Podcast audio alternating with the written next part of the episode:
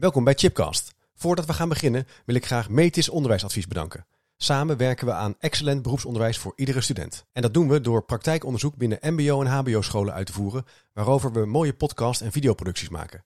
Kijk voor meer informatie op www.metis-onderwijsadvies.nl of check natuurlijk chipcast.nl. En vergeet ook niet de boekenkast van Chipcast te checken. Op www.managementboek.nl slash chipcast vind je alle boeken die in de podcastgesprekken voorbij komen. Welkom bij Chipcast, waar ik op zoek ga naar ongewone antwoorden en nieuwe perspectieven op vragen die mij bezighouden. Leuk dat je luistert naar een nieuwe aflevering. We gaan het hebben over de vraag, kan iedereen een ondernemer zijn? Ik vind het heel erg leuk dat ik het gesprek ga voeren met Pieter-Jan van Wijngaarden.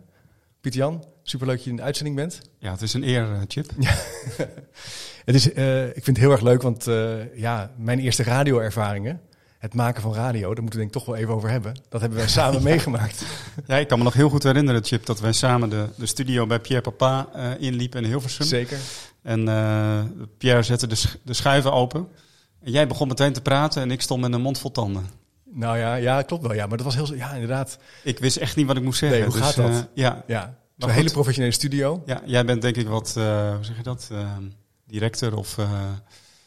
eh, eh, hoe zeg je dat? Extraverter misschien dan, dan Ja. ik. Dus ik, moet er, ik moest daar echt over nadenken. Wat moet ik nou zeggen? Ja, maar, Maar- we- bedachten ook een soort verdeling, hè? De, de sidekick en de host. Ja, Dat was, dat was ons op het lijf geschreven. ja, ja jij was de sidekick en ik de Ja, host. dus dan had jij wat meer de structuur van het gesprek en dan kon ik af en toe eh, bot eh, er tussendoor. eh. Maar nu eh, maak je toch al een jaar lang podcast als eh nou, Ja. zeer ervaren host. Dus, eh, Ja, dat is, zo, dat is zo. Ja, ik vind het, ehm, wij zijn, eh, we hebben lange tijd bij Kessel Smit gewerkt. Samen. Ik denk wel een jaar of acht. Misschien wel langer. Ehm, en dat is een, maar misschien even om jou te introduceren, want mensen, sommigen zullen jou wel kennen. eh, luisteraars die zich bezighouden met leren en opleiden, denk ik wel. Maar jij bent ondernemer bij Kessel Smit, The Learning Company. En ook ondernemer bij Grit. Eh, en Kessel Smit is een bureau dat is gespecialiseerd in leren en ontwikkelen. En Grit maakt co-workspaces. En daar kunnen mensen ondernemen en innoveren op mooie plekken in Nederland. Maar niet alleen in Nederland, want er zit ook een plek in Zuid-Afrika volgens mij, waar Paul natuurlijk, Paul Ja. Die eerder in de uitzending was. Inderdaad, de compagnon eh, Paul Keursten, die heeft in Zuid-Afrika, is officieel een andere onderneming. Ja. Dus dat is Workshop 17. Ja, Maar eh, ja, dat, zijn, dat voelt natuurlijk een beetje als eh, zusteronderneming. ja, precies. Een soort, ja. Ik, plek, voor de coronatijd ging ik ook ieder jaar naar Zuid-Afrika om daar nieuwe plekken te bezoeken. Ja. En dan kom ik weer vol inspiratie terug om hier in Nederland zeg maar, daar weer ook iets moois van te maken. ja, heel leuk. Het is, ja, je zit in nu Bloemenheuvel, waar ik natuurlijk de podcast altijd opneem. Eh, in coronatijd even niet, maar daarna nu ook wel weer, want dat kan ook prima hier. Eh, is zo'n co- coworking space, hè? Ja, klopt. Dus ja. ja. misschien kan je er iets over zeggen. Mensen kennen het misschien wel, misschien niet. Ja, het is een plek eigenlijk waar je, ehm, waar je kunt komen om te werken. Ja. Eh, vanuit Kessels en Smit ja, was altijd al de gedachte van de, de- je eerste werkplek is bij klanten Ja, en bij opdrachtgevers. Je tweede werkplek is thuis Ja. om dingen uit te werken en plannen te maken. En je derde werkplek is eh, op, op een kantoor om mensen te ontmoeten en kennis te delen. En die derde functie die willen wij als eh, Grid eh, graag vervullen. Ja. Dus je ziet hier veel zelfstandigen, maar ook mensen die werken bij grote organisaties. Op dit moment even niet naar hun echte kantoor kunnen. Ja. En toch wel een beetje moe worden van elke dag de kinderen om je heen. Die komen dan een dag in de week hier werken om Ja. gewoon of heel gewoon geconcentreerd stukken uit te werken. Maar soms ook gewoon om even weer die toevallige ontmoetingen die zo eh, belangrijk zijn in het werk. Weer gewoon even te hebben. En hier opeens iemand tegen het lijf te lopen waarvan je niet wist dat die bestond. Maar toch hele leuke, dingen doet. Ja, super tof. Ik vind dat zelf, ik haal daar heel veel uit. Ik heb heel veel mensen leren kennen hier die ik nog niet kende, die dan interessante dingen doen in het onderwijs. Of eh, ja. Ja. ik weet op de Malibaan in Utrecht iemand met eh, ja, nieuwe kantoormeubels. Dat je denkt, oh, weet je wel, Ja. daar leer je dan ook weer van. Ehm, dus dat is heel tof. En, eh, maar ja, we gaan het ook hebben over dat community denken en het ondernemen. Dus dat is natuurlijk ook een onderwerp van gesprek straks. Want we gaan het hebben over die vraag van... Ja, nou, Ja. Ik, zie ernaar uit. Dat gaan we, eh, gaan we natuurlijk doen. Je hebt ook een TEDx-talk gehouden Ja. over ondernemen, over communities. Ja. Het idee van in een community je begeven, leven, werken. Ja. de organisatie als community eigenlijk. En daar neem ik, eh, vertel ik eigenlijk over wat ik geleerd heb bij Kessels en Smit. En ehm, eh, waarin we eigenlijk een organisatie willen zijn eh, als, een, als een community. Ja. Dus als een gezelschap in het Nederlands. En welke principes daarin belangrijk zijn. En ik denk dat dat iets is wat, waar eigenlijk veel meer organisaties ook naartoe bewegen. Ja. Eh, die community gedachte. Ja, dus dat is min, misschien een commu- community zou je misschien in het contrast tegenover eh, het klassieke hiërarchisch denken, waar je als het ware je geld naartoe gaat om geld te verdienen. Ja. En dan ja, heb je hobby's, maar die vervul je eigenlijk niet in het werk. Je bent ergens goed in, dan ga je weer weg. Dat is een heel mooi boek geschreven door Pieter Blok over communities. Het is echt een aanrader. Het is een van mijn eh, favoriete boeken. En Pieter Blok die zegt ook, eh, het kenmerk van een community is dat je dus ook een uitnodiging kunt weigeren. Dus dat je ook kunt, nee kunt zeggen. Ja, ja, ja. En dus dan moet je je voorstellen dat je in een community eigenlijk allemaal mensen hebt die continu voor ja kiezen. Niet omdat een structuur dat voorschrijft, maar gewoon omdat ze er steeds weer gecommitteerd voor kiezen. Ja. Dat levert natuurlijk hele, ja, eh, levert commitment op. Dat levert het, het beste op eigenlijk wat je kunt hebben om samen te werken. Scherpheid misschien ook wel. Zeker. God, ja. die vraag vind ik misschien niet zo interessant. Eh, precies, ja. En eh, daar ga ik even nee op antwoorden. Ja, ja, ja, ja. Oh ja, interessant. Nou, dat is wel weer een boeiend thema. Want dat is natuurlijk ook wel... eh, dat maakt ook de verbinding belangrijker. Dus de, het idee van met elkaar optrekken, eh, gevoel hebben van... hé, hey, we gaan samen aan iets tofs werken, iets moois maken. Precies, en eh, dat je dat niet vanuit functies doet. Ja. Zo van, goh, jij bent van de ene afdeling en ik van de andere... en daarmee zijn we veroordeeld om samen te werken. Ja, Maar dat er altijd een, een moment in, in zo'n eh, ja, totstandkoming van een groep is... waar je dus kiest, ik ga hier wel of niet aan meedoen. ja. En bij Kessels en Smit maken we dat ook mee. En soms merken we ook ja, dat, dat het toch weer een beetje insluipt dat je, dan, dat je dan meedoet omdat het hoort of zo. En dan denken we van nee, dat moeten we mee stoppen. En dan, Nee. dan geven we de organisatie weer opnieuw vorm. En dan denken we van laten we eens even goed onder de loep nemen. Want ja, hoe Jozef en, en Paul en Cora ooit begonnen zijn, dat is natuurlijk toch... dat- ik, ik heb Jozef en Paul daarover ge- gesproken toen we het jubileumboek maakten. Dat eh, het uitgangspunt was, we willen leuk werk doen. Ja. En, en dat daar dan een- wat voor een soort organisatie bij komt kijken, dat is eigenlijk... Dat, is, dat, is, dat is eigenlijk, eh, dat volgt. Ja, maar het start, met leuk, Nee. start met leuk werk doen. Ja, ja, ja. in, in de- bij de appelboom volgens mij, hè? Een gesprek bij een appelboom. Onder de appelboom. Onder de appelboom. Ja, ja. Ehm, en wat ik heel leuk vond in de voorbereiding, je hebt, een, je hebt heel veel dingen gemaakt. eh, wat- ik zal een aantal links ook op de website plaatsen. Maar we hebben het over dat ondernemen. Dat idee van, heb je ook een boek over geschreven, heel veel leuke vlogs en blogs over gemaakt, webinars over georganiseerd. Eh, het boek is eigenlijk alle kanten opgefladderd volgens mij. Dat idee krijg ik in ieder geval, dat het overal wel een plek krijgt. En ik stuurde jou eh, de vraag van, kan iedereen een ondernemer zijn? En jij Ja. stuurde toen terug, ja, ik denk het wel. dat vond ik wel heel leuk. ja. Dus kan je daar iets over zeggen? Eh, Hoe, zie, hoe kijk je dan naar dat ondernemen? En, Ja. en jij, geloof, jij hebt daar blijkbaar echt een opvatting over dat kan. Ja, dat, dat denk ik zeker, ja. En eh, het leuke is ook dat ik, toen ik het boek aan het voorbereiden was, begon ik ook te lezen over Mohammed Yunus. Dat is een Nobelprijswinnaar. En die zegt dat dus ook. Ik ben niet de enige. Nee. Dat maar onder, gezelschap, onderstrepen. Ja. precies. En hij zegt bijvoorbeeld ook van ja, eh, in het huidige schoolsysteem eh, worden we eigenlijk ook klaargestoomd of opgeleid om, om in loondienst eh, je te begeven. Maar hij zegt van de mensheid had niet overleefd als we niet eh, een, iets ondernemends in ons DNA zouden hebben. Nou ja, wat dat dan is, dat is leuk om daar inderdaad het gesprek over te voeren. Het is voor mij allemaal begonnen op een conferentie in eh, Amerika, South by Southwest. Een hele ja, hippe conferentie eigenlijk. Echt superleuk om naartoe te gaan. Het bestaat uit verschillende delen. Dus het gaat over muziek, over film en interactie. En die interactie gaat eigenlijk ook over ons vak. Veel technologie. ehm, hoe, eh, hoe communiceer je met mensen, ook in hybride vormen en dergelijke. En ik, ik liep daar rond en eh, ik zag er allemaal van die ja, mensen facetimen, skypen, eh, vlogs opnemen. En ik dacht van, wat zijn die mensen nou aan het doen? Hè? Het zijn veelal zelfstandig ondernemers die continu hun kennis aan het delen zijn. Ja. En eigenlijk geven die als het ware hun eigen leerproces vorm. Dus die, de een zet wat op. Jij doet het ook, hè? Je, dat is natuurlijk gigantisch wat jij de wereld biedt. Met, met de chipcast en al die gasten die hier langskomen. En dat staat gewoon ja, kosteloos op internet. Ja. En, en Ja. daar gaan mensen op reageren. Er komt een gesprek. Je vraagt mensen van tevoren over. Goh, heb je ook leuke vragen om te stellen in een gesprek? Dus dat zou je ook als een soort leerproces kunnen zien. En. ehm, ik denk dat heel veel van- wat er nu gebeurt in, in zeg maar de moderne wereld gaat over kennis delen. Gaat allemaal over share en connect. Dat zijn natuurlijk woorden die in de klassieke onderwijskunde eigenlijk ook heel belangrijk zijn. Van eh, het delen, delen Ja. van kennis. Ja. In plaats van eh, er is één iemand die alle kennis heeft en die draagt dat over.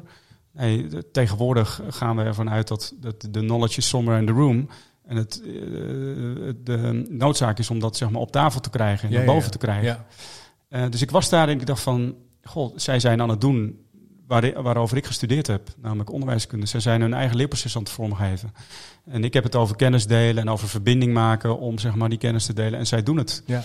Ze noemen Dus- het misschien heel anders. Precies, ja. En het zijn allemaal ondernemers. Dus Ja. ik dacht van, eh, misschien is, is ondernemen wel het, eh, het nieuwe leren. Hè? Of zou je wel kunnen zeggen van, het- ik, ehm, ik heb zelf ook onderzoek gedaan naar succesvolle voortijds schoolverlaters. Ja. En daarin eh, was de kunst om over leren te praten zonder dat het over leren ging.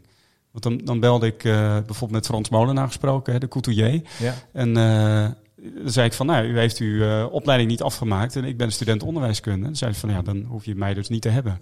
Want ik weet niet zoveel van het onderwijs. Ik zei heb ik van, nou, gered. Ik heb het- Precies, daarover wil ik het precies hebben, zei ik dan. En ehm, dus het, het praten over leren zonder dat het over leren gaat, dat heeft ergens ook wel mijn fascinatie. Ik dacht van nou, dat ondernemen is wel een term die eigenlijk voor een groot deel voorziet in ehm, je eigen leerweg vormgeven, tegen problemen aanlopen, daarin voorzien. ja, oplossingen zoeken, Exact. mensen ja, uitnodigen. precies. Dus ik kwam terug uit die conferentie en eh, ik dacht van ehm, ik ga een, eh, een op- opleiding maken over ondernemen. Want ik, ik merkte ook bij Kessels en Smit zijn we daar continu mee bezig. Hè? Op zoek ook naar je ondernemen met je eigen talent. En dat in verbinding doen met anderen. Ik dacht, ik merkte ook wel op feestjes en dergelijke dat als vrienden aan het eh, overwegen waren om te gaan ondernemen, dat ik ze ook op een heel andere manier weer kon helpen. Dan dus niet alleen maar de belasting invoeren en je administratie doen, maar ook gewoon op zoek gaan waar zit jouw drive? Wat, Ja, wat, vind je, ja. wat wil je betekenen voor de wereld? Ja. En van daaruit iets eh, opbouwen in een vorm van onderneming. Dus ik zag kansen om daar een soort leergang voor eh, te maken. En daar heb ik met Wieger Troostheide, een eh, student bij Kessel Smit destijds, ook aan gewerkt. Een soort curriculum. En ik weet nog dat ergens na de zomervakantie, volgens mij was het in 2015, toen, toen hadden we dat curriculum. En toen keek ik daarna en dacht ik van, dit lijkt wel de inhoudsopgave van een boek. Ja, en eh, Suzanne had toen net het eh, nieuwsgierigheidsboekje geschreven Ja. in, in twee weken of zo. Ja. Dus toen dacht ik, dat kan ik ook. Dus toen ben ik naar Texel gegaan met mijn gezin eh, in de herfstvakantie. Ja, ja, ja, En had ik de deal gemaakt van, ik betaal de vakantie als ik 's ochtends mag schrijven. Dan gaan we 's middags leuke dingen doen. ja. En toen heb ik eigenlijk het eerste manuscript gemaakt. En toen dacht ik, het is klaar. Maar goed, eh, toen stuurde ik het naar eh Ans, mijn redacteur. En die dacht er heel anders over. dus toen heeft het nog eh, een jaar of twee, drie geduurd voordat het echt af was. ja, dan kwam je weer een Ja. nieuwe uitdaging tegen. Ja. Maar dat, dat ondernemen gaat dus wat mij betreft over eh, ehm, regie nemen over, over je eigen Ja, tijd. Ja, En, Ja. weten wat je, wat je talenten zijn, wat je te bieden hebt. En eigenlijk publiek zoeken wat, waarmee je, waar, waarbij je waarde kunt toevoegen aan de hand van die talenten. ja. En dat is eigenlijk de markt, zou je kunnen zeggen. Dus zo creëer je eigen markt. En eh, als je weet wat je, wat je goed kan, wat je talenten zijn, ja, dat is natuurlijk ook iets waar leren over gaat. Dus eh, zodoende dat die twee eh, bij elkaar kwamen. Super tof. Heel leuk dat je ook zo, want dat herken ik ook wel, wat jij goed kan, andere vragen stellen. Want inderdaad, bij ondernemen, dat, ik herken het ook als ondernemer, dat mensen vragen, ja, hoe doe je dat dan met, een, met je huis of zo? Of eh, heb je dan een auto, weet je, van die, Ja. het gaat meteen een kant op, Precies. die niet de kant op gaat van, eh, ja, ik ben met een podcast bezig of ik ben Ja. een artikel aan het schrijven en dan vraag ik mensen een euro voor en dat werkt niet en dit en dat. Iets ondernemends Iets doen. ondernemends doen, zeg klopt, maar. Ja. En, en ik denk dus ook dat dat ook goed kan in, in bedrijven. Of, of bij de Rijksoverheid of in de gemeente. Of, eh, dus wat mij betreft hoef je daar niet altijd je eigen bedrijf voor op te richten. Kan wel, maar hoeft niet. Nee, Het is maar net waar jouw markt is. Ja. je moet je eigenlijk afvragen, waar zijn, waar zijn de mensen, waar, Waar is mijn markt? publiek? Ja, klopt. En Ja. waar is mijn publiek? Ja. En eh, dat was een belangrijk vertrekpunt toen ook eh, van, die, van dat curriculum, van die inhoudsopgave die we al hadden gemaakt. Dus in die opleiding, dat is uiteindelijk het boek geworden, stond de stelling eigenlijk centraal. Je moet niet beginnen met ondernemen voordat je je publiek duidelijk hebt. Want je Ja. moet eigenlijk in gesprek met je publiek Ja, ook je product gaan ontwikkelen. Dat is eigenlijk heel relationeel ontwerpen, co-creatief, externe consistentie. En toen dacht ik van, nou ja, als ik een boek ga maken waar dat de stelling is, is het natuurlijk heel gek om een boek te schrijven en het pas later te presenteren aan mijn boek, aan mijn publiek. ja dat is een beetje, ja. Dus ja. toen ben ik begonnen met een oproep op Facebook. Ik zei van, ik wil dit boek gaan schrijven. Eh, wellicht zit hier mijn publiek. Hebben jullie interesse in zo'n boek? En Maar zo ja, nog, dan kreeg je allemaal vragen. Zou je willen meedenken, eh, Ja. zeg maar, in het schrijven van het boek? En zou je een groepje willen waarmee je me af en toe van feedback voorziet? Dat is toen een clubje, ze staan allemaal met een foto in dit boek, van 50 mensen geworden ongeveer. Van wie ik overigens heel gevarieerde feedback kreeg. Dus dat was ook wel heel leuk. Ja. Dus daar moest ik dan ook weer wat mee. Maar dat was een ontzettend, we zijn community op zich. Dus je bouwt eigenlijk met mensen ook aan, aan een, een beweging door te verbinden, door vragen te stellen. Ja. Dat doe jij ook natuurlijk. Ik zag laatst die, eh, die survey van... Ja. ik wil een kant op met de chipcast. Ik wil graag horen wat jullie ervan vinden. Dus je, daarin ben je heel erg in gesprek met je, met je publiek. En dat maakt ook dat het, ja, dat het zo succesvol is, denk Ja. ik. Ja, dat is, ook, dat is ook echt iets wat, eh, daar haal je ook zo ontzettend veel uit. Ja, Dingen die je niet ziet, eh, leuke ideeën. En wat mij opviel is dat Ivar, mijn compagnon met wie we de podcast maken, die is heel technisch. Dat is echt een ontwerper. Die maakt computers en eh, software, die zegt constant, ja, eh, probeer het uit. Weet je wel, we moeten het meteen uitproberen. Ja, ja. Dus maak een minimal viable product, Ja, MVP. Precies, Heb precies. ik al geleerd. Ja. Dus een website die is nooit af. Je maakt gewoon een eerste website. En dan kijk je even en dan... Dus blijkbaar zit dat, zit dat denken van die incrementele Ja. stappen. Eh, iets bedenken wat je wil, Ja. verbinden met mensen. Ja, je ziet natuurlijk op allerlei plekken ook in het agile denken en design thinking zijn dat principes die ook belangrijk zijn. Ja. Hè? Dus eh, prototyping, snel iets maken, het, eh, het voorleggen aan je publiek, het checken aan je publiek. Ja. Dus ik denk wel dat, ja, dat het ook een beweging is. Een ehm, move before you're ready, hè? of dat is het boek van Simon. Ja, Simon van der Veer. Eh, Ja, Dat idee komt in beweging. titel. Ja, dat is een supertitel. Ja. Ja. dat ge- ge- geeft helemaal beeld bij wat je wil doen. Hè? ja. Interessant. Maar, en jij zei ook, ja, onderwijswetenschap, onderwijskunde ge- gestudeerd. Ik kwam in, op dat congres. Eh, ze doen het allemaal al. Eh, wat is dan de rol van onderwijskunde nog? Want ja, dat ondernemen is dan wel helemaal... Ja, eh, daar zit de beweging op en de Ja, energie op. eh, denk ik een hele, ja, hele goede vraag. Of tenminste, en dat ook wel iets waar we tegenaan lopen. Misschien vanuit de HRD. Dat je dus ook ziet dat... Ja, ik weet niet of ik dat zo kan zeggen. Ik ben geen wetenschapper. Maar HRD ook wel een beetje verdwijnt wat dat betreft. Dus Ehm, maar eh, wat eh, Paul altijd zo mooi zegt, is van vroeger had je kwaliteitsafdelingen. En dat kwaliteit is eigenlijk gewoon ook steeds meer gewoon onderdeel geworden van het, van het vak zelf. Ja. Zo kijk je ook naar leren en veranderen. Ja, Ik ben dan eh, betrokken bij de FCE, dus de Stichting Opleidingskunde. Wat wij in onze leergroepen zien, is vroeger, zeg maar in de leergang opleidingskunde, om even korter te noemen, zeg maar, ja, daar ja. eh, zaten met name HRD-adviseurs. Ja. En die namen daar een deel. En die leerden over hoe je, kunt, hoe je leertrajecten kunt ontwikkelen en dergelijke. ja. Maar ja, vanaf een jaar of tien geleden merkten we dat, dat, dat er ook veel meer leidinggevenden bijvoorbeeld aan deel gingen nemen. Omdat ze merkten van dat leren en ontwikkelen, dat is onderdeel van mijn vak ja. geworden. Ook van, Ja. van, het, van het management en van, van mijn rol als leidinggevende. De, om een bepaalde beweging te maken met een team. Daar ben ik eigenlijk gewoon eh, ook, ik ben eigenlijk met mijn team een, een leeromgeving aan het creëren. Het nieuwe boek van Karin Derksen, waarin ook die, eh, de- dat, dat, ehm, dat leerpotentieel of de, de, de ruimte om te leren, ook, dus daarvan zegt zij ook van dat is zo ontzettend belangrijk, ook in teamwerk. Dus eh Karin is ook een onderwijskundige ja. maar schrijft een boek over teams. Waarin, je eigenlijk, Ja, ja, ja. waarin de essentie ook weer is van een goed team dat blijft met elkaar de, die, die leerplek opzoeken. En ehm, dus ik denk dat wat dat betreft onderwijskunde of opleidingskunde, om het zo maar eens even te zeggen, ook gewoon veel meer onderdeel is geworden, of de HRD veel meer onderdeel is geworden van het echte werk, zou je kunnen zeggen. Ik denk dat ik daar heel blij mee ben. Want het- ja, Maakt het ook scherper in zekere Precies, zin. en Waar je- ligt de waarde? exact. En, en de vakmensen zijn natuurlijk eigenaar van hun eigen vak en van hun eigen leren. Ja. Het, het is natuurlijk wel mooi als mensen daarbij kunnen helpen met een aparte expertise, een eigen expertise. Maar het is ook mooi als, dat, zeg maar, als dat onderdeel van het team is. Ja. En niet een aparte afdeling. Ja, ik, ik vind het een interessante redenering. Er was een paar jaar geleden had ik het idee van wat radicaler. Oh, dat opleiden dat stopt. Hè? Dat is niet meer van deze tijd, weet je wel. Ja. We gaan allemaal in het leren in het werk en Ja. zo. En toen heb ik Marielle geïnterviewd in de podcast. Zijn ontwerp leertraject vind ik echt een heel professioneel met de vak bezig. Die zei ja, er is niks mis met een goede Nee, opleiding als Nee. je machinist wil worden. Dat Ja. kan je ontwerpen en dat Ja. is, heeft een functie. Ja.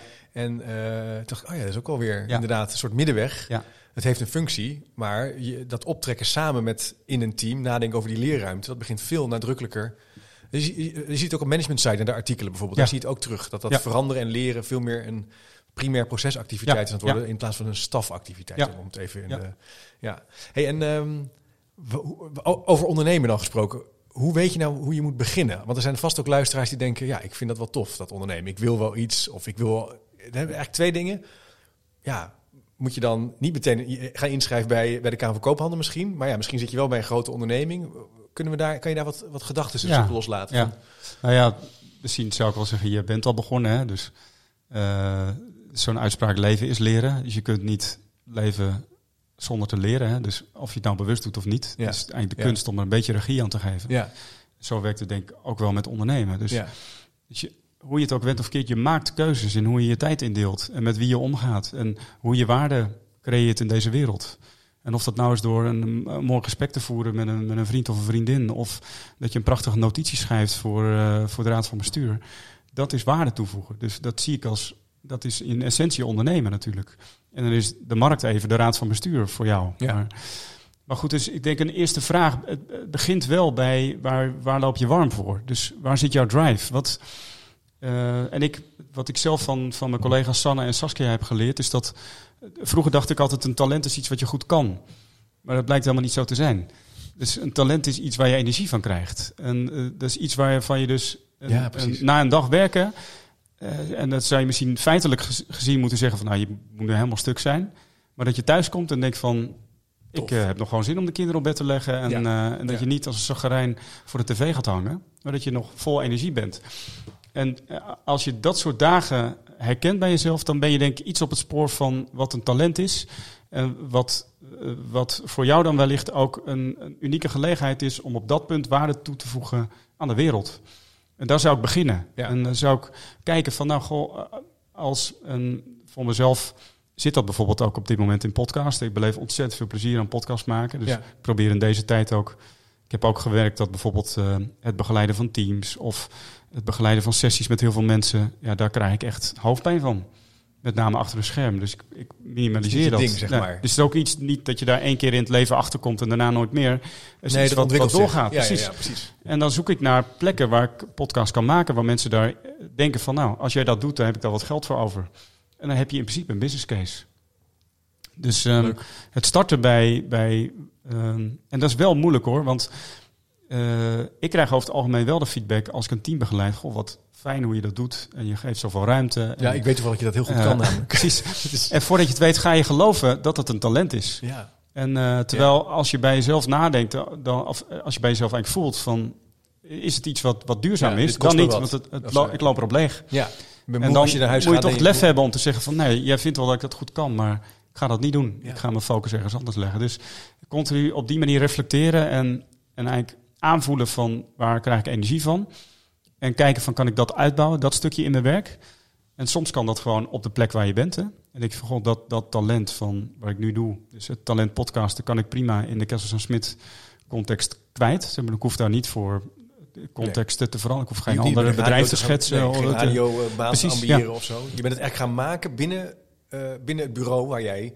Precies, ja. Nou is het natuurlijk ook een omgeving die best wel heel wendbaar is. En is dat, Ja. geldt dat niet voor iedere organisatie.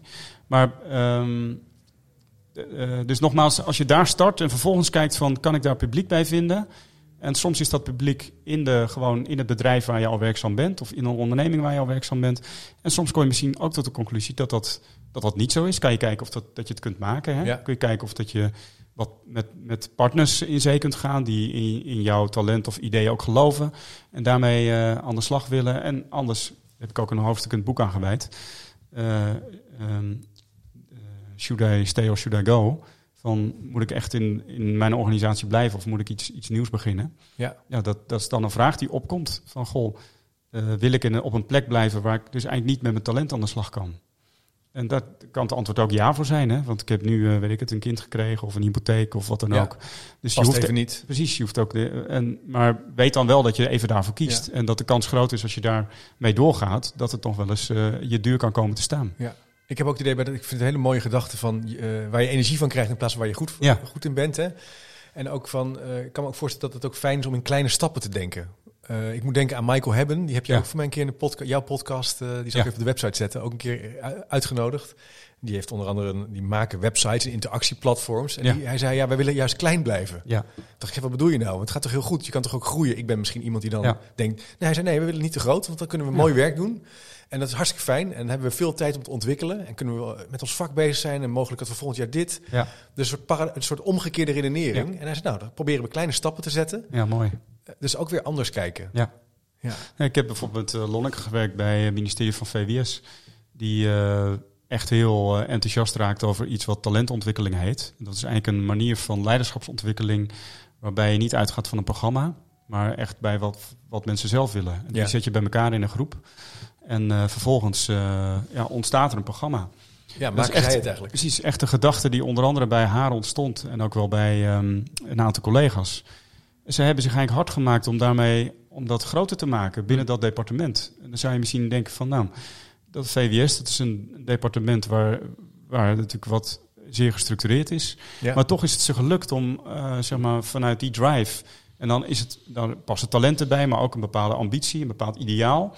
En ze hebben daar bestuurders bij gevonden, eh, leidinggevenden die daarachter stonden. En nu staat er eigenlijk een, is er een, gewoon een ruimte ingericht in dat hele, op dat hele leren- en ontwikkelplein. Waar deze manier van werken er is. Zij ja, beleeft daar heel veel plezier, energie, voegt daar dingen aan toe, maakt dat groter. Dat vind ik echt een heel mooi voorbeeld Heel mooi. Van, van binnen een grote organisatie ook ondernemen. Ja, en ook misschien een beetje uit de valkuil te trappen van...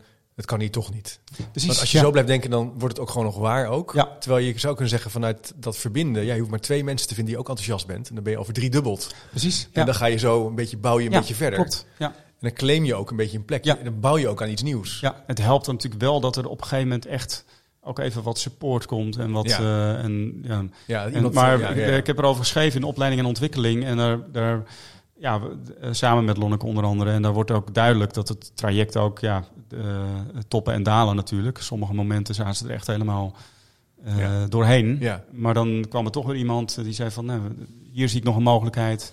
En dat maakt de top dan eigenlijk weer des te mooier. Dus, Ja. eh, Dus Zo kan je ondernemen binnen een ja, vrij grote, dat klassieke... ik echt een mooi voorbeeld. Ja. En, die, en Ja. die ruimte is er dus. Ja, die ruimte moet je wel maken. Ja, je hebt Ja. tegenwoordig ook, want we hebben het al in bedrijven wel over intrapreneurship en eh, ja, in versnellingskamers, weet je wel.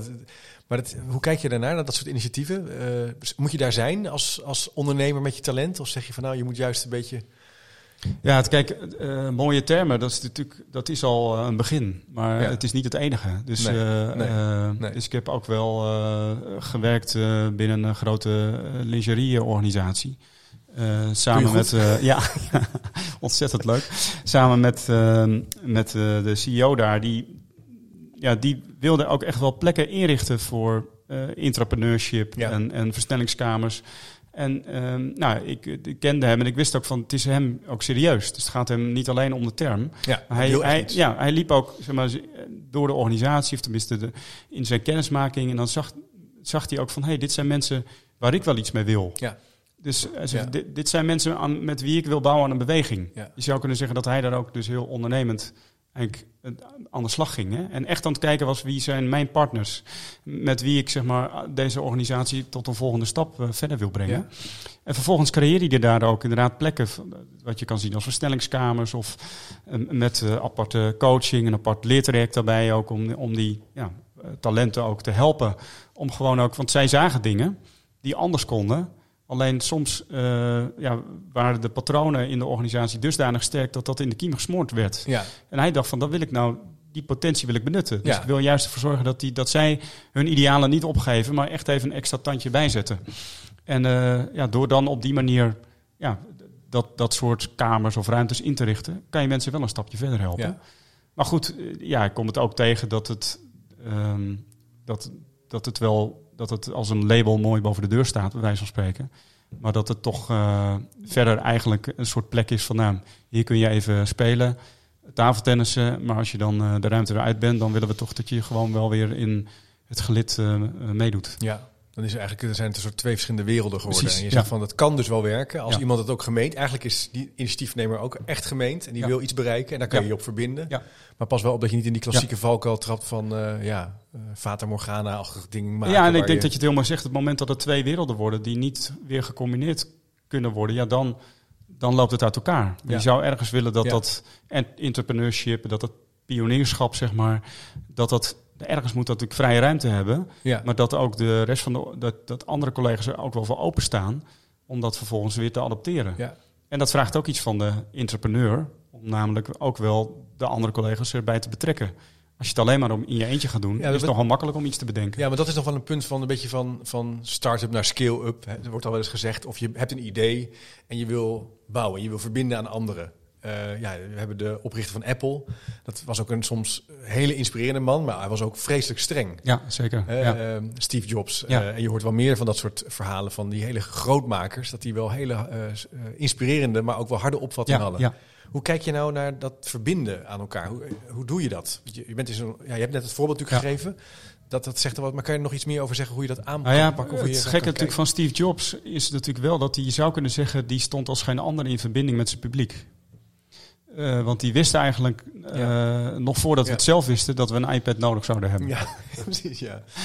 Maar dat, dat is dus, eh, dus eh, komt in contact staan met je publiek is wel iets anders dan vragen waar heb je behoefte aan. We gaan het eindelijk ook even over, kan ik, kan ik met jou onderzoeken op welke vlakken je leven mooier of beter kan worden. En kan ik daar een bijdrage aan leveren? Maar, maar dat vraagt ook wel echt iets van de ondernemer om daar dus iets aan toe te voegen. En niet alleen maar het antwoord wat het publiek geeft, als het ware, uh, om daarmee aan de slag te gaan. En dat is het voorbeeld van, van, van Lonneke binnen VWS is daar misschien een mooi voorbeeld van. Ja. Want als die, als die een enquête zou hebben gedaan, dus hoe zou je ideale leertrajecten uitzien, zou je wellicht een heel ander antwoord hebben gehad. Zouden mensen zeggen van, nou, ik, uh, ik wil, uh, weet ik het, die spreker of die spreker. Maar wat ze eigenlijk heeft gemaakt is een omgeving waarin mensen uh, in kleine clubjes met elkaar hun eigen leertraject kunnen vormgeven. Ja. En um, daar is behoefte aan zonder dat eigenlijk de, um, de deelnemers aan dat traject dat vooraf, wij van spreken, doorhebben. Nee, precies. Weet het dus dat is de kunst, ja, denk ja, ja. Je mag iets toevoegen. Precies. Ja, ik herken dat wel. We hebben, ja, voorbeeld, ik heb daar eerder een podcast over gemaakt over onze groene, ons schoolplein, wat we met school helemaal hebben vergroend met een klauterbos en zo. Dat begon met een beetje een onverzorgd schoolplein. En dan waren, er, werd er vragenlijst uitgezet door de ouderraad. En dan zei iedereen, ja, het schoolplein is toch een beetje rommelig, liggen kolenblikjes en zo. En um, ja, dan kan je heel vaak met elkaar signaleren dat het inderdaad vervelend is voor de kinderen dat ze daar spelen. Totdat natuurlijk iemand opstaat en zegt, nou, we gaan, laten we iets doen met groen. Ja. Ik weet niet wat, we gaan een plant, eh, tegel eruit, plant erin. En laten we er nog eens een doen. En dan zie je dat iemand anders zegt, oh, dat is eigenlijk wel leuk. Ja. Ik doe wel een keer mee, weet je wel. En zo, dus het is iets toevoegen. En maar we ook wel zien waar behoefte aan is. Waar nou, dus ik denk dat het een hele mooie uh, interventie is geweest. Maar ook kwaliteit om te zien van, hey, die tegel moet eruit en daar moet een boom in. Ja dat vraagt een bepaalde manier van kijken. En, maar, en door dat te beginnen en dat, dat je dan iets, eigenlijk een herinnering aan de toekomst, eh, bij wijze van spreken, maakt. Wanneer mensen, oh, zo kan het dus worden. Kan dus, dus wel groen Stel nou dat er, dat er meer tegels uitgaan en meer bomen komen. Moet ook denken, ik had net een gesprek met, um, met een zorginstelling waar we een nieuw um, uh, leertraject gaan, uh, gaan begeleiden. Um, en de, de, de, aanvraag kwam bij ons binnen van, met van, goh, we hebben hier een traject, het ziet er zo uit en we zouden willen dat jullie het begeleiden. En nog twee andere partijen oh ja. kunnen offerten voor maken. Ja. Toen hebben wij gezegd van, nou, dit vinden we niet zo'n leuke vraag, want uh, gewoon uitvoeren, daar zijn we niet van. Dus wat we wel willen doen is kijken hoe, hoe wij hier een ontwerpersrol in zouden kunnen nemen. En eens kijken van uh, met jullie in gesprek gaan om ook te kijken van goh, welke behoeften spreek je eigenlijk uit op het moment dat je dit plaatje schetst? Wat zit daaronder? En vervolgens zijn we dat gaan doen en hebben, dus een, uh, hebben wij daar ook onze creativiteit, om het zo maar eens even te zeggen, op losgelaten. En hebben een plan gepresenteerd wat wij ook wel super spannend vonden. We zeiden, ja, het kan twee kanten op gaan. Wij geven namelijk niet antwoord op jullie vraag. We doen wel iets waarvan wij denken dat het echt passend is. Ja. En uiteindelijk waren ze razend enthousiast. En dan gaan we daar dus nu mee in zee. Maar dat is ook, ja, dat is denk ik toch een manier geweest van ook even aanvoelen van wat zoeken jullie eigenlijk? Waar gaat het eigenlijk om als je, als je zegt wij willen een sessie over uh, insights of disk of whatever. Is, moet dat dan per se het antwoord zijn? Of zit er eigenlijk een behoefte onder die je op andere manieren eigenlijk misschien nog veel passender zou kunnen vervullen. Ja, dus voor degene die nu denkt, wat, disc, dat zijn dan die kleurentheorieën. Dat je dan zegt van uh, Jan is heel erg rood en ik ben heel erg blauw. En we hebben ontzettend veel last van. Wij zijn leger groen. Nou, wij zijn leger groen. nou, dus daar heb je nergens last van. Maar het is ook wel, waar ik, ja, ik weet niet of het zo onderwijskundig uh, hout snijdt, maar het is ook het lef hebben om te zeggen, zullen we dit maken? Want dit is volgens mij wel tof om even zo te kijken samen. Ja, En dat is, dus dat je, dat je ook een beetje durft van, we hebben ook wel eens een keer een project. Ehm, we hebben een keer in Georgië en Armenië en Azerbeidzjan een heel spannend project gedaan over democratiebevordering. Ja, zeker. Hey, dat herinner je natuurlijk. We zijn heel vaak daar naartoe geweest. En, en dat begon met een vraag van de Europese Unie. Klopt. Ja. Bevorder democratie door een scholingstraject voor alle scholen in die, die regio. Hè? En toen bedachten we uiteindelijk na heel lang nadenken met die mensen. Het kan ook een spel worden. Precies. Ja. Nou, dat was eigenlijk een heel, dat is ook een heel mooi voorbeeld van, uh, denk ik, uh, met je publiek in contact zijn. Ja. Zeg maar, zonder dat je uh, u vraagt wij draaien doet. Ja. En uh, diezelfde Pieter Blokker, waar ik al naar verwezen, de boek Communities, heeft ook een mooi boek geschreven over flawless consulting. Ja. Feilloos adviseren. Ja, superboek. Waarin hij drie rollen schetst van een, een adviseur. En terwijl ik het zeg, denk ik misschien ook al van een ondernemer. Je kan als adviseur heel erg uitvoerend zijn, waarin je dus inderdaad zegt, u vraagt wij draaien. Je kan aan de andere kant heel erg de expert zijn, Waarin je dus zegt van ik heb een plan en jullie moeten je maar verhouden tot het plan wat ik maak. Ja. En daartussenin zit de partner, hè? Zit eigenlijk de partner waarin je eigenlijk dus echt co-creatief samen optrekt. Waarbij je het allebei kan doen. Precies. Wat ik me nog herinner, toen wij, wij, gingen dus er naartoe voor de luisteraar naar Georgië met een vliegtuig s'nachts, want er ging alleen s'nachts een vliegtuig vol met Georgiërs. En dan 's ochtends moesten we meteen eh, aan het werk. Ja, en jij eh, sliep volgens mij naast een of ander Russisch rugbyteam of Ja, zo. Dus, ik heb eh, niet geslapen nee. die nacht. En dat is natuurlijk hartstikke spannend. We waren Ja. nog best wel jong. in geval. En we zaten in de ontbijtzaal. En er kwamen allemaal hoogleraren binnen. En allemaal experts uit die regio. En toen schoot iemand ons aan van... do you know where the experts are? Dus waar zijn de experts van de sessie? En voor mij zei jij toen de legendarische woorden van... We are the experts. en dat is echt heel spannend. Ja, toen moesten we nog beginnen. Moesten we Ja. nog beginnen. En wa- wat ik dus, eh, toen gingen we die sessies doen, gingen we het over democratie hebben in een, in een land in opbouw. Azerbeidzjan en Armenië is oorlog heel spannend. Hè? Oorlog geweest natuurlijk rondom eh, die regio waar altijd wordt ge- gevochten. Eh, al die inhoudelijke experts die hadden allerlei opvattingen over wat die kinderen in die scholen moesten leren. Dat herinner ik me heel goed van. Er werd op, dit moeten ze weten. Democratie, de trios politica, de verlichting. En dat ging maar door, eh, zeg maar. En eh, het kantelpunt was op een gegeven moment dat we vroegen van wat zou je nou eigenlijk moeten meemaken? Herinner je dat nog van? Ja, zeker. Dat was echt het punt wat jij inbracht van je, als je nou iets mee zou moeten maken wat zou je willen ervaren. Hè? willen ervaren. Wat zou je willen dat de deelnemers ervaren? Ja. Ja. En dat was een soort kantelpunt van Dat is natuurlijk ook geholpen, hè? van leren start bij de, of start, maar in ieder Ja. geval de ervaring is een belangrijk Ja. eh, onderdeel in het leerproces. Ja, Ja. Maar en waarin jij- we er ook in geslaagd zijn om dus eigenlijk die inhoudelijke analyse, die heel belangrijk is, want die moet je echt wel doen. Ook als je gaat ondernemen, wil je weten, ja, wat is eigenlijk hier noodzakelijk te verbinden aan iets wat je toevoegt eigenlijk. Precies. In dit geval, ja, een, een hele bijzondere eh, persoonlijke ervaring wat democratie mee. Mee kunnen maken, dat je invloed kan uitoefenen. In dat geval ging het. Toen zijn we als die, eh, ja, die journey, eigenlijk die, die reis van de, van de student gaan schetsen. hè, Van Ja. welke momenten zou die eigenlijk moeten meemaken, moeten ervaren in, in het spel wat we gaan maken. En dan is het natuurlijk ook veel makkelijker om op een gegeven moment over spel te denken. Want in een spel maak je dingen mee. Eh, Maar in een college ja, worden de dingen over je uitgestrooid, om Ja. zo maar even Ja. te zeggen. Ja, het was, heel, het, was, het was heel interessant. Het is ons ook echt gelukt om dat spel te spelen. Dus je moet even voor de luisteraar je voorstellen dat alle scholen in die drie landen hebben een spel gespeeld. Waarin ze na gingen denken over wat democratie is.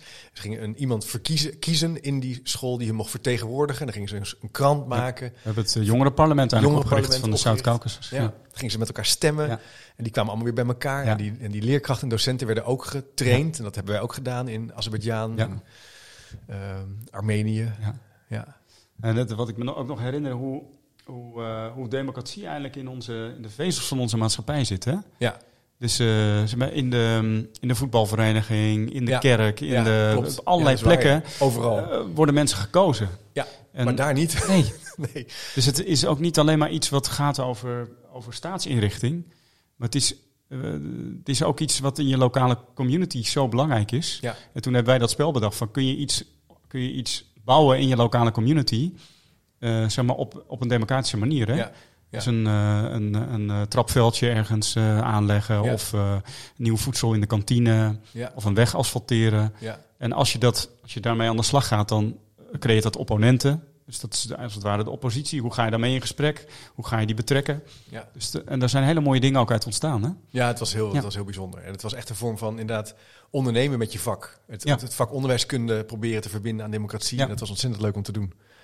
En ehm, nou, even als uitstapje. Dus eh, laat ook wel iets zien van die ruimte kan je dus wel degelijk pakken. was heel spannend, herinner ik me nog. Maar je, ja, je moet ook een beetje, het ook een beetje lef hebben. Hè? Zeker zin en focus hebben. Van, even, ja, lef en focus lijkt me wel belangrijk. Van, je moet het durven te zeggen op een gegeven moment. Ja, dat denk ik. En het, het ene moment lukt het mij ook beter dan het andere.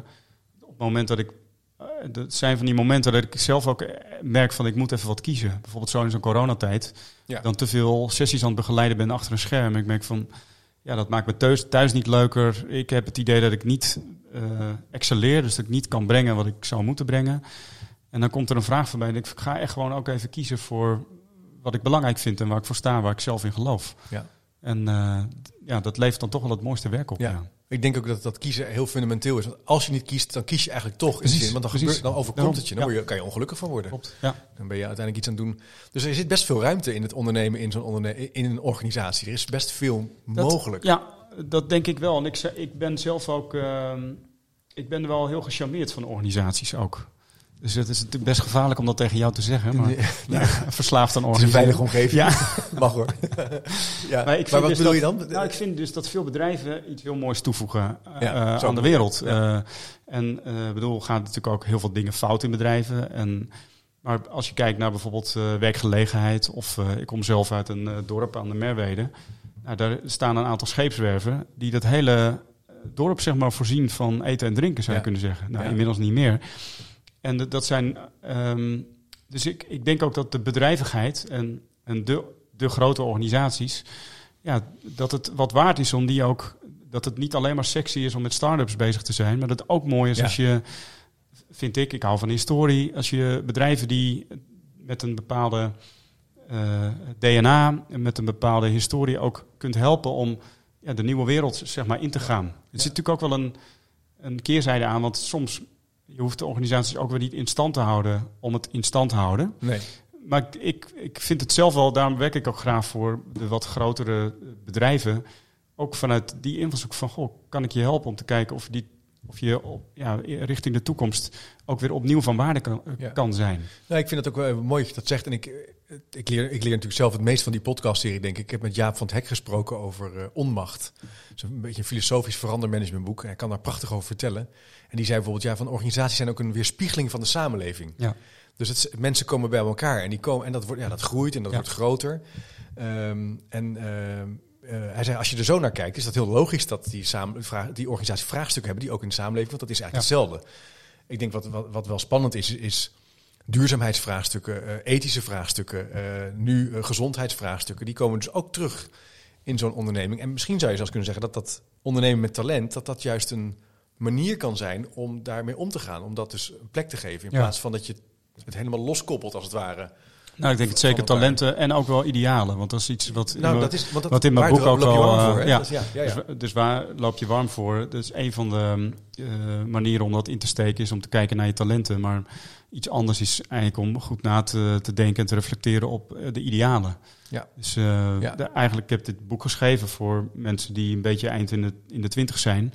En ehm, eh, gek genoeg zijn veel, eh, dus daar is ook onderzoek naar gedaan, maar veel studenten die net van de universiteit komen, die ambiëren een traineeship in een groot bedrijf, of een Ja. grote organisatie. Want dat geeft toch het idee, daar kan ik een Ja. beetje wat van de wereld leren. en dergelijke. klopt een beetje. Ja. Maar goed, als je dat een jaar of vier, vijf gedaan hebt, dan is er ook wel de vraag van, hm, eh, een aantal idealen die ik persoonlijk belangrijk vond tijdens mijn studie of nog daarvoor, die beginnen toch een beetje in de knel te komen hier. En ik- dat vind ik een hele belangrijke vraag. Dus Ja. ik zou willen, eh, een, ik heb daar zelf alle gelegenheid toe gehad bij Kessels Smit om dat ook onder ogen te komen, om daar eh, zeg maar over na te denken, Ja. om daar keuzes in te maken, te bepalen met wie ga ik wel werken, met wie niet. Ja. En ja, ik denk dat het, dat het zonde zou zijn als je die idealen zomaar wegstopt en denkt van ja, ik ben hier nu eenmaal Hoort hier en niet. eh, klaar. Dus, dus ja, ja, goed mooi. nadenken over kan ik iets bijvoorbeeld met duurzaamheidsidealen bij Shell? Dat denk ik namelijk wel. Dus Ja. er ja, zijn. Ook, ook bij Shell werken veel mensen die die natuur hoog op de agenda hebben. Dat klinkt misschien een beetje gek, maar ik ken ze.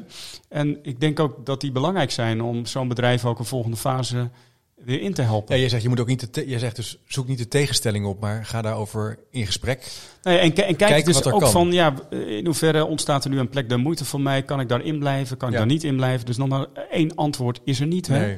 Maar eh, ik denk dus dat je wel keuzemogelijkheden hebt om te kijken, kan ik dan binnen zo'n organisatie Ja. ondernemen? Hè?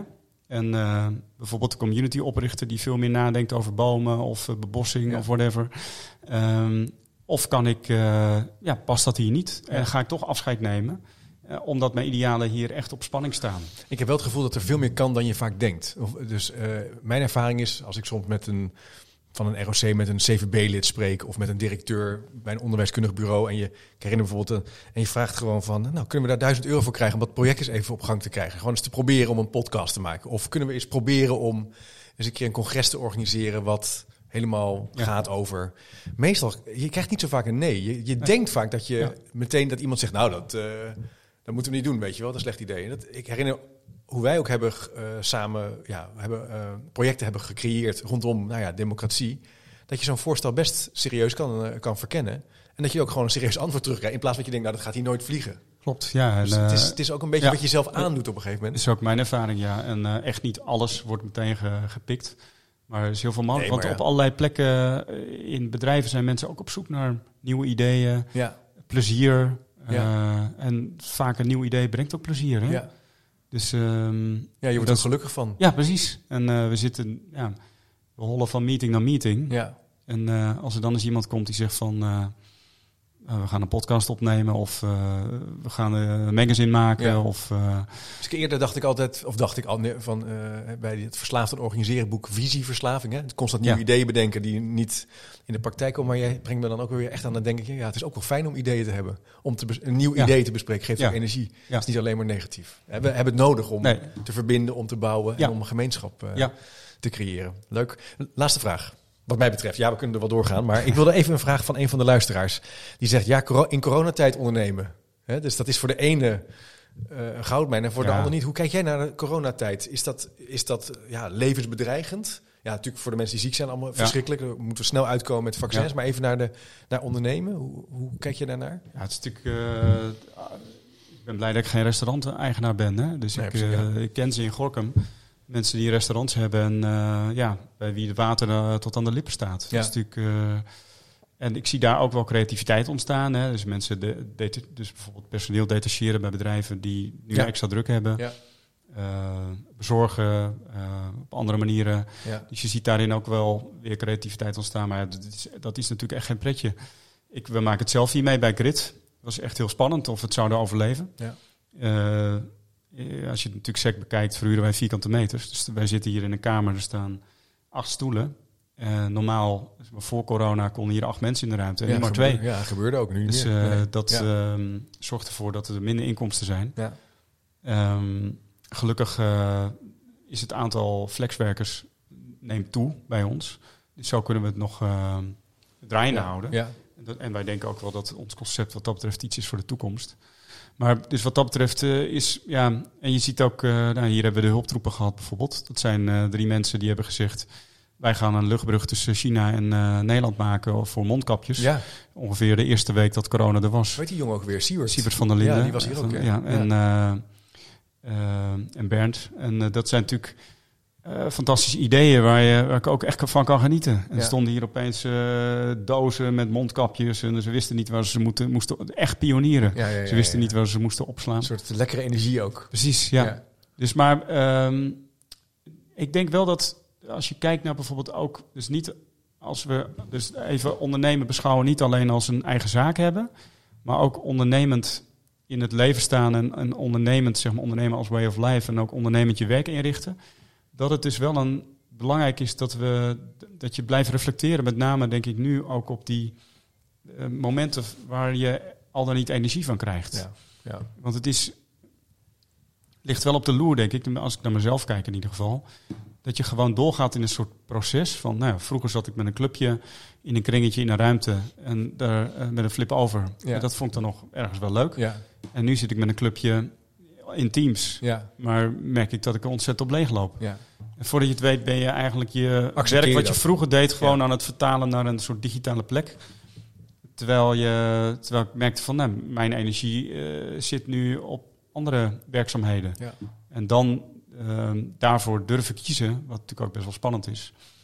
Want waar dan ga je ook nee zeggen op vragen. In een tijd dat corona, ja, dat je ook denkt van, nou ja, ik ben blij dat ik werk heb. Dus is het dus een luxe, hè? bijna dat je dan werk afslaat. Terwijl ik wel tot de conclusie ben gekomen, nou, eh, het gaat niet alleen maar om geld verdienen. Het gaat ook om dat ik een beetje vitaal door deze tijd eh, heen kom. Ja. Dat je aan En, betekenisvolle dingen ja, kan werken. dus, eh, ja. in balans zeg maar daarover nadenken is volgens mij heel belangrijk nu in coronatijd. Ja. Dus blijven reflecteren op die energiebronnen, op die talenten, op die idealen. Dat is wel iets waarvan ik denk dat dat, eh, ja, en nogmaals, eh, heel belangrijk is in corona. Mooi. Mooie gedachte. Ook hoopvol. Dus we kunnen allemaal ondernemer zijn en we gaan die energie gebruiken en eh, gesprekken voeren en het netwerk vergroten. Precies, ja, dat, heel- is, ja. is mijn stelling, maar goed. Ja, nee, vind ik tof. Daar wil- hebben we het over hem niet verifiëren of falsifiëren, dus het is ook een beetje een, eh, een belief. Laten we een oproep doen. Als je nu luistert en denkt, ik heb een idee of ik ben ergens mee bezig. Nou, laat je even horen. Je kan via chipcast.nl slash vraag altijd eh, even inspreken waar je mee bezig bent. Eh, dat kunnen we altijd weer gebruiken voor een vervolg. En als je denkt, nou dat klopt helemaal niet, dan kan je ook altijd een berichtje achterlaten via LinkedIn of Twitter. Dan kan je ons allebei wel vinden. En ook op Chipcast kan je natuurlijk ook eh, je inschrijven voor de nieuwsbrief. Dan krijg je elke twee weken automatisch wat meer informatie, achtergrondartikelen. En ik zal de linkjes die Pieter Jan eh, ook eh, noemde, ook op de website zetten. Jouw podcast onder andere, want je hebt een paar hele mooie initiatieven rondom de Broadcasting Company. Maar ook de FCE, de leergang, daar maak je hele interessante ja, ontmoetingen, gesprekken. Die gaan echt over leren en opleiden. Dus die moet je zeker ook even volgen wat mij betreft. Ik zou zeggen, bedankt voor het luisteren. Pieter Jan, super veel dank dat ik hier mocht zijn. Ja, met alle plezier. Ja, was, en we gaan door. ja. Ja, tot de volgende keer.